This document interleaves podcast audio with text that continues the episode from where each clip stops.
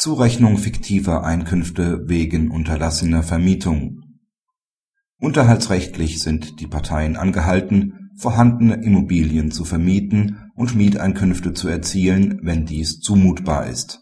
Wer dies unterlässt, dem ist ein fiktiver Ertrag zuzurechnen. Eine sofortige Herabsetzung des Unterhaltsanspruchs mit der Scheidung kommt regelmäßig nicht in Frage. Die seit 1983 verheirateten Beteiligten leben seit 2007 getrennt. Aus der Ehe sind drei inzwischen volljährige Kinder hervorgegangen. Im Scheidungsverbund beantragt die Ehefrau nachehelichen Unterhalt. Sie trägt unter anderem vor, dass dem Ehemann eine fiktive Miete für eine leerstehende Wohnung in seinem Haus zuzurechnen sei. Der Ehemann trägt vor, dass er sich bemüht habe, die Wohnung zu vermieten. Auf drei Inserate in zwei Monaten hätten sich bei ihm sechs Interessenten gemeldet.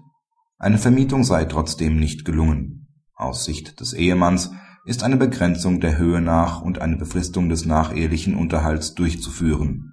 Maßstab für den Unterhalt sei der angemessene und nicht der eheangemessene Bedarf.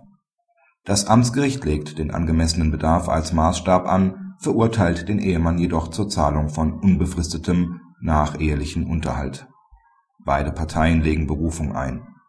Das OLG gibt beiden zum Teil Recht dem Ehemann werden fiktive Mieteinkünfte zugerechnet. Er hat nicht dargelegt, dass er sich um eine Vermietung ausreichend bemüht hat. Drei Inserate in zwei Monaten sind nicht genug. Ihn trifft die Verpflichtung, alle möglichen zumutbaren Einkünfte zu generieren. Dies gilt auch für die Vermietung der Wohnung. Der Unterhaltsanspruch der Ehefrau wird aber auf vier Jahre befristet.